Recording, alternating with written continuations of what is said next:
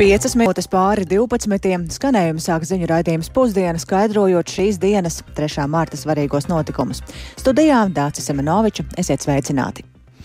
Skolu pāreja uz mācībām tikai latviešu valodā pakāpeniski rit vairāk nekā 20 gadu, un šobrīd ir skaidrs plāns tās īstenošanai. Politiķi par to ir lēmuši, taču pedagogi norāda uz klupšanas akmeņiem skolotāju deficītu un arī mācību materiālu trūkumu. Tikmēr Latviešu valodas aģentūra uzsver, ka metodisko materiālu un dažādu nodarbību latviešu valodas iedzīvināšanai netrūkst, un par to vairāk pastāstīs kolēģis Jānis Kīncis, kurš pievienojas studijā. Sveiks, Jāni!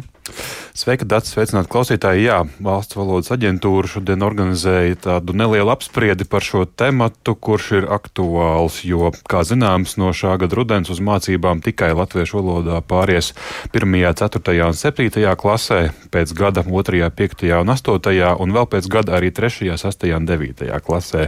Un tam gatavojoties, eh, pedagogiem pastiprināti tiek rīkoti dažādi, tiek rīkoti dažādi pieredzes apmaiņas semināri, tālāk izglītības kursi, nodarbības.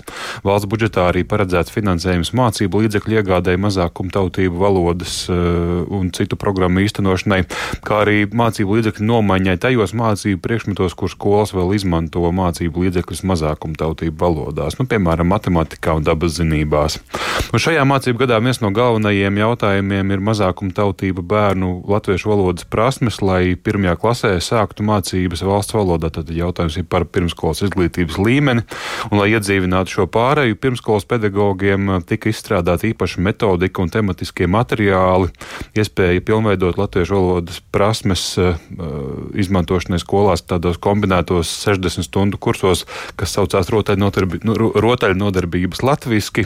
Savukārt par pilnveides materiāliem, lai pastāsta valsts valodas aģentūras galvenā metodiķe Vinete Vaivade.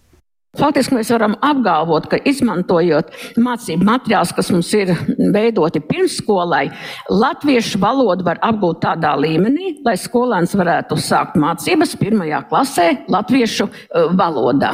Bija jautājums, kā tad skolēni apgūs uh, terminus, un tas ir tik grūti un sarežģīti. Jā, tas ir grūti un sarežģīti, bet mums ir šīs terminu vārnīcas ne tikai latviešu valodā, krievu valodā, bet arī vācu valodā, angļu valodā un, ja nemā valodos, tad viena bija arī franču valodā. Mums ir šie termini skaidrojumi kontekstā, tā kā materiāli, ar kuriem strādāt un ar kuriem, teiksim, atvieglot savu darbu, protams, ka ir. Lai iedzīvinātu latviešu valodas lietojumu mazākumtautību skolu pedagoģu vidū, ir arī radošāki risinājumi. Piemēram, daudz interesantu ir bijuši par ekskursijām un dažādām tematiskām nometnēm. Tajās pedagoģi gan, savstarpē, gan savstarpēji, gan arī ar dažādu jomu pārstāvjiem sarunājas latviešu un iesaistās arī dažādās aktivitātēs, piemēram, cepuši maizi. Taču praktiskajā darbā daudz kas atkarīgs no katras skolas un arī pašvaldības individuālās uh, ieinteresētības, piemēram, mācību materiālu skolu salāgošanā. Tomēr kā lielāko problēmu skolu pārstāvji norāda pedagoģu trūkumu, kam diemžēl ātri e, risinājumu nav. Tur, lai turpina Daugaupils zinātņu vidusskolas direktors Vitālijas Azarevičs un Liepājas trešās pamatskolas direktora Gaļina Skorobogatova. Ja 5-6 gadus atpakaļ mēs e, varējām pat izvēlēties latviešu valodas skolotāju un priekšmetu skolotāju skolā, šobrīd tādas izvēles vairāk nav. Ar katru gadu vairāk un vairāk ir vakances arī latviešu valodas skolotāja tajā skaitā. Protams, ka tas ietekmē ne tikai uz mācību procesu kopumā, bet arī uz latviešu valodu pasniegšanā konkrēti. Visi grib dzirdēt to īstu latviešu valodu, bet pedagoģu totāls deficīts Latvijā. Ja, piemēram, ar 1. septembri man atkal būs vakance sākuma skolas skolotāja, kas strādās latviski, tā ir problēma. Es jau tagad, februārī, meklēju, un līdz šim tā vakance ir brīva. Jāatgādina, ka vidusskolā jaunieši jau šobrīd visus mācību priekšmetus apgūst latviešu valodā, un arī, pamatsko, un arī 1 līdz 9 klašu skolēniem ir dalīts eh, procentuāls dalījums, tātad noteikts, kurā arī jau saturam ir jābūt latviski. Un kā vienu no lielākajiem izaicinājumiem min arī skolēna un viņa ģimenes un draugu ieinteresētību par latviešu valodas lietošanu un tās izmantošanu gan sadzīvē, gan dažādos pasākumos, lai valodas lietojums nebūtu tikai un vienīgi klasē. Un skaidrs, ka šis arī ir viens no jautājumiem, ko, kam pievērsīs pastiprināt uzmanību teikt, pārējot aizvien vairāk tiešām uz mācībām valsts valodā. Paldies par šo skaidrojumu, tik tālu par mācībām tikai latviešu valodā skolās. Un mēs turpinām ar vēlēšanām kaimiņu valstī. Igaunijā svētdien būs parlamenta vēlēšanas, jau pirmdien sākās iepriekšējā balsošana. Visvairāk balsu varētu saņemt premjerministrs Kājas Kallas pārstāvētā centriska labējā reforma partija, kas uzvarēja arī vēlēšanās pirms četriem gadiem. Vadošie politiskie spēki ir viensprāts, ka galvenā uzmanība ir jāpievērš Krievijas sāktiem karam Ukrainā un tā radītajiem drošības izaicinājumiem. Līdz ar to arī Igaunijā drošība ir prioritāte. Un kādi jautājumi vēl ir būtiski, to komentē kolēģis Uldis Česbergs, kurš pats ir devies uz Igauniju Tartu. Mazāk uzmanība ir pievērsta dzīves dārdzībai un um, ekonomikai. Mēs te Latvijā bieži vien ar nelielu skaudību esam uzlūkojuši Igaunijas ekonomiskās sekmes, bet nu, pēdējā laikā Igaunijas tautsēmniecībai klājas grūti. Šonedēļ daudzus Igaunus šokēja ziņa, ka valsts iekšzemes koprodukts pagājušajā gadā ir sarucis par 1,3%, bet 4. ceturksnī kritums sasniedza pat 4,1%, kas bija sliktākais rādītājs visā Eiropas Savienībā. Un Igaunijā ir arī augsta inflācija inflācija, piemēram, februārī tā sasniedza 17,8%, kas bija otrs augstākais rādītājs Eirozonā aiz Latvijas. Savukārt tādiem būtiskiem jautājumiem kā veselības aprūpe un izglītība šajā pirmsvēlēšanu kampaņā ir pievērsta salīdzinoši nu, maza uzmanība. Vakar vakarā Igaunijas sabiedriskais medijs publicēja jaunākās vēlētāju aptaujas rezultātus, un tie rāda, ka vislielāko atbalstu varētu saņemt premjerministres Kajas Kalasas vadītā reforma partija, par kuru bija gatavi balsot aptuveni 29% aptaujāto.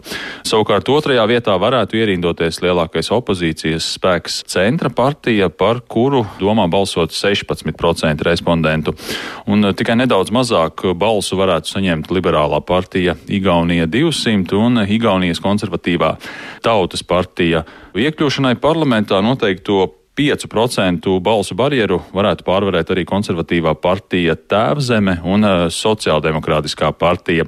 Augstu atbalstu reformu partijai var skaidrot ar tieši ar Kajas Kallasas popularitāti. Viņa ir ļoti pamanāma Eiropā, runājot tieši par nepieciešamību atbalstīt Ukrainu un pastiprināt sankcijas pret Krieviju un Kallasu regulāri citē pasaules ietekmīgākie mediji. Vai var jau iezīmēt, kuri politiskie spēki pēc vēlēšanām varētu veidot Igaunijas nākamo valdību? Visticamāk, ka vēlēšanās uzvarēs reforma partija, bet uh, tā pilnīgi noteikti neiegūs absolūto vairākumu 101 deputāta lielajā parlamentā, tāpēc Kallasai nāksies meklēt koalīcijas partnerus.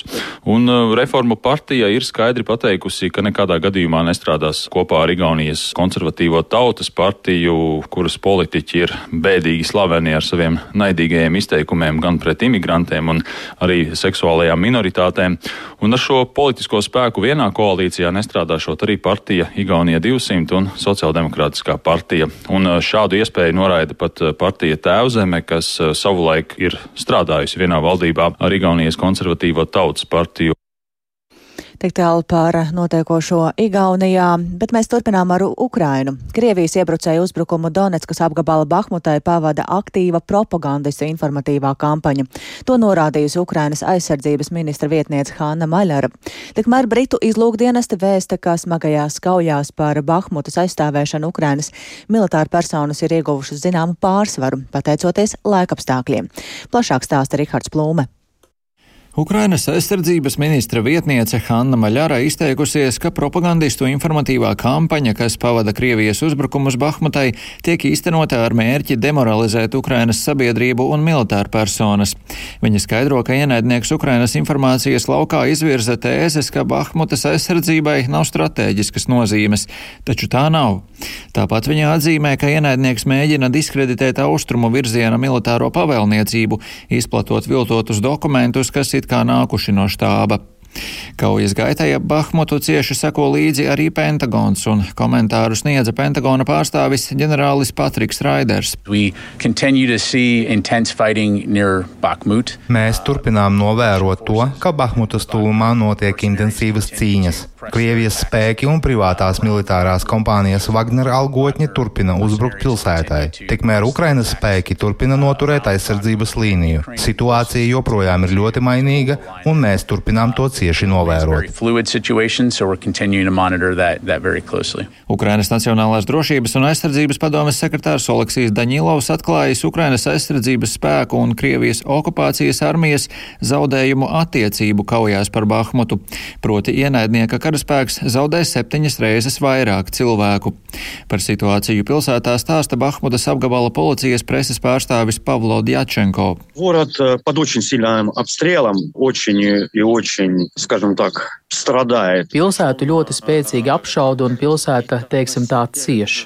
Kaut kādu drošu rajonu te nav. Strādājam kā policija, kā evakuācijas grupa, pastāvīgi piedāvājam evakuāciju. Vakar zem artilērijas apšaudēm, paldies Dievam, izvedām deviņus cilvēkus. Situācija pilsētā ir kritiska. Pastāvīgas apšaudes te ir ne pirmo mēnesi. Cilvēki ir nospiesti, kādam māja sagrauta, kādam kāda paziņa mirusi. Galvenais ir izdzīvot. Tikmēr Britu izlūkdienesti norādījuši, ka Ukrainas militāra personas iegūšas zināmu pārsvaru cīņās par Bahmutu, un tas noticis gaisa temperatūras paaugstināšanās dēļ, kas uzlabo Bahmutas aizsardzību, jo dubļi un bezceļi kavē smagās ienaidnieka tehnikas tehnikas kustību. Par aiziešanu no pilsētas Ukraina vismaz pagaidām nerunā. Tāpat nav skaidrs, vai pilsētā jau ieradušies Kievas solītie papildu spēki. Rihards Plūme, Latvijas radio. Notiekošais Ukrainā ir ietekmējis arī mūsu finanšu izlūkošanas dienesta darbu. Taču finanšu izlūkošanas dienests ir tikko arī atklājis kampaņu Nozieguma pēdas nevar atmazgāt, lai informētu sabiedrību par finanšu noziegumu veidiem, riskiem un to, kā no tiem izvairīties.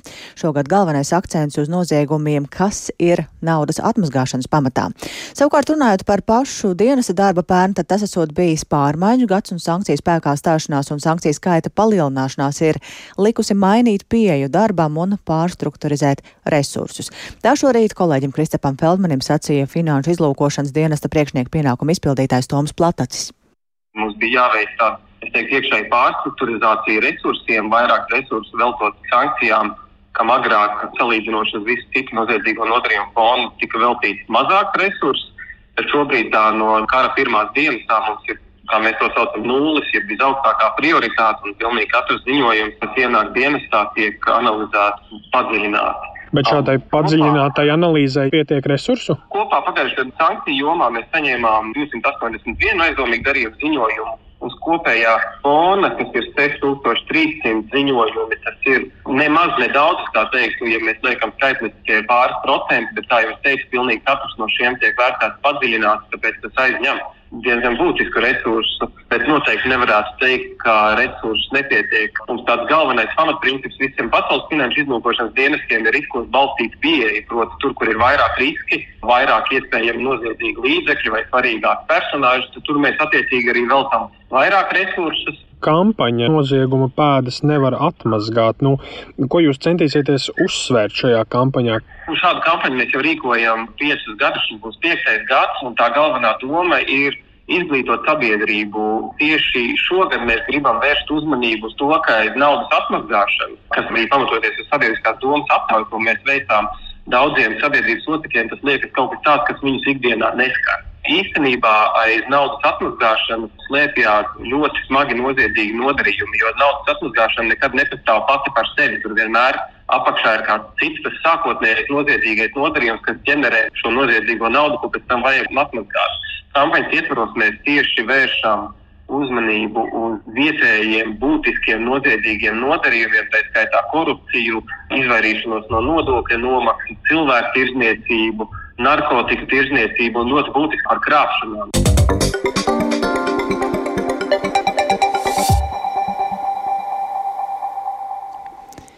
Nedaudz vairāk kā pēc pusstundas Rēzeknē pie pilsētas sociālā dienesta galvenās ieejas atklās pārtikas apmaiņas punktu. Speciāli aprīkotā skapī Rēzeknieši varēs ievietot pārtikas produktus, ko varēs bez maksas un kontrolas paņemt cilvēki, kuriem šie produkti ir nepieciešami. Un ko par šādu iniciatīvu saka Rēzeknieši par to Ivets Čigāns veidotajā ierakstā. Bezmaksas pārtikas apmaiņas punkts, jeb kopienu skapis, ir vieta, kur ik viens var ievietot pārtikas produktus, lai palīdzētu tiem, kam šie produkti būtu vairāk nepieciešami. Pašlaik mēs atrodamies eh, pie administratīvās sociālā dienesta ēkas zemnieku 16. reizeknē. Un jūs redzat, ka blakus ir arī izvietots bezmaksas pārtikas apmaiņas punkts. Izrādot pārtikas apmaiņas punkta skapi, stāsta Reizeknes sociālā dienesta vadītājs Gunārs Arbidāns. Tas ir mitruma izturīgs uh, materiāls izmantots, un, uh, protams, arī klāt jūs redzat, ka arī leduskapis iekšā ierīkots. Gunārs Arbidāns uzsver, ka iniciatīva par šādu pārtikas apmaiņas punkta izveidi nāk no Rēzeknes uzņēmējiem, kuri arī paši gatavi ziedot, lai piepildītu pārtikas apmaiņas skapi. Ideja tādu punktu, protams, vairāk eh, deva mums eh, mūsu pilsētas uzņēmēji, uzņēmēja biedrība, un eh, piedaloties tādā kopējā sanāksmē arī radās tāda doma mūsu pilsētā uzņēmēji, kas tieši strādā arī pārtikas jomā, un arī atbalsts no viņiem cerēsim, būs. Reizekne sociālā dienesta vadītājs cer, ka šī labdarības akcija ar laiku iedzīvosies, un to atbalstīs arī vietējie iedzīvotāji. Te nebūs nekādas kontroles papildus, un neviens neprasīs nekādas izziņas. Ja tiešām cilvēkam ir nepieciešamība vai būs nepieciešama vajadzība, lai nāk. Jo te var būt ne tikai trūcīgie vai maznodrošināti, protams, var būt arī seniori, kuriem īpaši nepieciešams arī atbalsts, kaut arī viņi nav izvērtēti arī no sociālā dienesta puses. Rezeknes ielās uzrunāto iedzīvotāju domas par pārtikas skapja izveidošanu dalās, un daudzi atzīst, ka ekonomiskā situācija piespiedusi pašus taupīt un skaitīt katru centu. Tas ir kaut kas līdzīgs Rīgai, ja, kur tos rajonos tur kaut ko jāatnes. Vai jūs gatavs tur arī kaut ko ielikt? Kāpēc nē? Varbūt kādi makaroni produkti, kaut kas pārtika. Es parasti pērku tā, lai nepaliek nekas. Nu, ja paliks kādreiz, jā. Atklāti sakot, es tagad pērku produktus par zemāku cenu ar derīguma termiņa beigām. Un ģimene neviens neprotestē. Nu, tādi tie tagad lapsākļi. Un es par to pat ne, nekautrējos, ka es pērku nocenotu maizi, nocenotus nu, citus produktus, kas ir, nu, kas gadās. Kāpēc ne? Runājot par pārtikas apmaiņas punkta darbības principiem un prasībām, tur ievietotajiem produktiem, pārtikas un veterinārā dienesta Ziemeļlatgales pārvaldes pārstāve Ināra Dzinzuka uzsver, lai arī produktu ziedošana ir brīvprātīga, kontrolei ir jābūt. Ir jābūt noteiktam kopienas skapī ievietošanai atļauto pārtikas produktu sarakstam un prasībām to iepakojumam un marķējumam.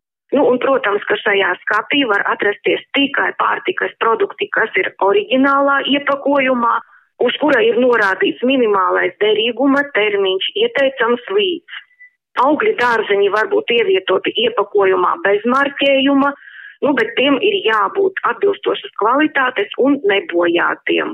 Māju ražotāji, kuri arī ražo teiksim, pārtikas produktus, eh, augu izcelsmes vai arī dzīvnieku izcelsmes pārtikas produktus, bet no tādiem, protams, drīkst, jā, bet tur tad arī būs tā marķējuma etiķete piestiprināta. Un tajā būs arī norādīta visa nepieciešamā informācija. Pagaidām Reizeknē ir tikai viens pārtikas apmaiņas punkts, un tā ierīkošanai pašvaldības nauda netika tērēta. Visus izdevumus sedza Reizeknes uzņēmēji. Iveta Čigāni, Latvijas radio studija Latgalē. Lauksaimniecības un dārzkopības produkcijas audzētājiem un ražotājiem pēdējā laikā izaucinājumi nav trūcis, un ņemot vērā Eiropā izvirzīto zaļo kursu, to netrūks arī turpmāk. Un par to viņi tieši šobrīd spriež savā zemnieku saimas kongresā. Tur atrodas arī kolēģi Sintīna Ambote. Sveika, Sintīna! Cik apmeklēts ir kongress un kāds pašu zemnieku vērtējumā ir bijis aizvadītais gads? Sveika, Dārsa, sveika, klausītāji! Bulduru tehnikumā ir pulcējušies zemnieki no dažādiem Latvijas reģioniem. Ir gan graudaudzētāji, gan piena lopkopji, gan dārzeņa audzētāji un citu lauksemniecības jomu pārstāvji. Kongresu atklāja biedrības zemnieku saimā vadītājs līdzšinējais un nu jau arī pārvēlētājs Juris Lazdiņš. Viņš pie pērnu paveiktajiem darbiem minēja diskusijas par kūdras nākotnes kūdras nozares nākotni, tieši par kūdras izmantošanu. Lauksaimniecībā tāpat izcēla organizācijas darbu pirmsvēlēšanu laikā pērn, kad zemnieku saima tikās ar visiem politiskiem spēkiem, lai skaidrotu savas nozares aktualitātes. Arī no biedrības četri lauksaimnieki pat laban ir esošajā saimā kā deputāti. Aizvadīto gadu arī lauksaimniecībā, protams, iezīmē kara Ukrainā ietekmi uz nozari, tātad dažādu lauksaimniecības izēvielu un arī energo cenu kāpums. Tāpat šeit atgādināja, ka zemnieki pērn pavasarī tikās ar Eiropas Savienības lauksaimniecības komisāru Janušu Vojcehovski, kurš darba vizītē viesojās arī dažās zemgalas saimnieku sētās. Saimnieku komisāram pauda arī savas bažas par to, ka Latvijas zemnieku attīstība būtiski kavē nevienlīdzīgie platību maksājumi starp Eiropas Savienības valstīm un arī šī zaļā kursa ieviešana. Kongresa otrajā daļā arī plānota diskusija par zaļo kursu un lauksaimniecības nākotni ar zemkopības ministru Dīdzu Šmitu un vides ministru Māru Sprindžuku. Kā zināms, šis gads zemniekiem sācies arī ar jauno valsts stratēģiju. Kopējā lauksaimniecības politikā ir jauna atbalsta maksājuma sistēma, kurai vajadzētu stimulēt dažādu vidas mērķu sasniegšanu. Līdz šim par to bijušas ļoti daudzas diskusijas, daudz zemnieku pauduši bažas par prasību nesamērīgumu un ka tas mazinās īpaši arī mazāku saimniecību iespējas attīstīties pie auga aizsardzības līdzekļu lietošanas mazināšanas izaicinājumiem biedrības eh, vadība norādīja, ka plāno nākotnē arī projektos vēl pētīt, cik daudz un kādas barības vielas no zemnieku laukiem tad nonāk Latvijas upēs. Šeit biedrība izcēla, ka akūti trūkst finansējumu lauksaimniecības pētniecībai un cer uz jaunās valdības atbalstu šajā. Nu jā, un, protams, šobrīd uh, lauksaimniecībā skaļāk runāts par piena saimniecību problēmām saistībā ar straujo piena iepirkumu cenas kritumu šī gada sākumā. Zemnieku saimnes pārstāv Maira Zelskalē Burmas gan norādīja, ka marta pirmajās dienās cena mazliet pakāpusies, bet uzsvēra, ka piena cenas pieaugums saimniecībās krāsas atšķiras Latvijā pat labam, tad tas svārstās no 22 līdz 47 centiem par litru. Un, nu jā, un, protams, vadība izteica cerību, ka lauksaimnieki vairāk varētu kooperēties arī piena nozarē, kas varbūt šo cenu svārstību ietekmi uz saimniecībām varētu mazināt. Dace? Jā, paldies, Sentī, par piena nozari. Mēs jau pieminējām arī to, ka ir laba ziņas un nedaudz ceļu šīs piena cenas. Bet mēs gribam pievērsties vēl vienam tematam, proti tam, ka iedzīvotāji ir vērsušies dabas aizsardzības pārvaldē, lai Dobels novadā Vilku kalna Krievkalna mežā noteiktu īpaši aizsargājamo dabas teritoriju. Mežā ir daudz īpaši aizsargājumu meža biotopu, turklāt pūču un dzeņu sugu aizsardzības plānos šeit ir identificēts vairāku sugu aizsardzībai prioritāras teritorijas. Taču Latvijas valsts meži tur ir izvērsuši kailcirtas, un šo teritoriju ir apsakojis arī Latvijas ornitoloģijas biedrības valdes priekšsēdētājs priekšsādātājs Viesturs Čerus un teica, ka pamats apturēt ciršanu ir. Vaicāsim viedokli arī dabas aizsardzības departamenta pārvaldes dabas aizsardzības departamenta direktorei Gitai Strodei, kura šobrīd pie telefona klausules. Labdien! Labdien! Vai jūsu pārvaldes speciālisti ir apsekojuši šo teritoriju un um, ar to iepazīšanos, ie, iepazinušies? Mm, jā, es arī pati personīgi esmu bijuši šajā teritorijā jo mēs šo priekšlikumu noteikt Zebrus ielas meža masīviem aizsargājums teritorijas status dabas parku esam saņēmuši pagājušajā gadā. Un, nu, ir gan iesniegums no ģeologa puses, kuri vērš uzmanību uz to, ka šis vilka masīvs ir ģeoloģiski vērtīgs zemgals kontekstā, gan arī kā pamatojums no vidas aizsardzības kluba reģionālās nodaļas šāda te parka veidošanai ir gan Jā. dažādi tur plānojumi un, un, un, un plāni, bet, nu, es te Jūsu skatījums un, kāds ir? Teritorija, protams, ir ainaviski vērtīga un ir arī tur tiešām, kā minēts iepriekš, dažādi mikroliegumi, daudz biotopu platības tur nav lielas, atsevišķās vietās viņas ir saglabājušās, atsevišķās vietās nav. Uh, Bet šī ir ļoti liela un kompleksa teritorija. Tur ir arī dažādi kultūra vēstures pieminekļi, tur ir arī rekreācijas teritorijas. Un uh, līdz ar to, kā jau es arī esmu skaidrojusi ierosinātāju, iera, ierosinājumu iesniedzējiem, šī vieta ir jāskatās kompleksāk un mums ir jāveido gan individuāli noteikumi, gan zonējums. Jo ta, tā vienkārši uzreiz uzlikt uh, statusu, kaut ko aizliegt, tas nav īsti ne, ne pamatot, ne liederīgi. Mums ir jādomā, kā to visu nu, apsaimniekot saprātīgi. gan, no, gan lai kaut kādā vērā tiktu ņemtas šīs zemes īpašnieku valsts meža intereses, gan lai arī tās īpašās dabas vērtības saglabātu. Bet tā skaidrība no jūsu puses, nu, iedzīvotājiem, kad varētu būt tas tā, tāds garš process izklausās? Nu, tas ir garš process, ja mēs gribam zinātnisko pamatojumu un to visu nopamatot gan ar noteikumiem, gan to visu saskaņot ar pašvaldībām, ar, ar zemes īpašniekiem. Tas nav ātrs process, tas nav izdarāms dažu mēnešu vai pusgadu laikā. Uh,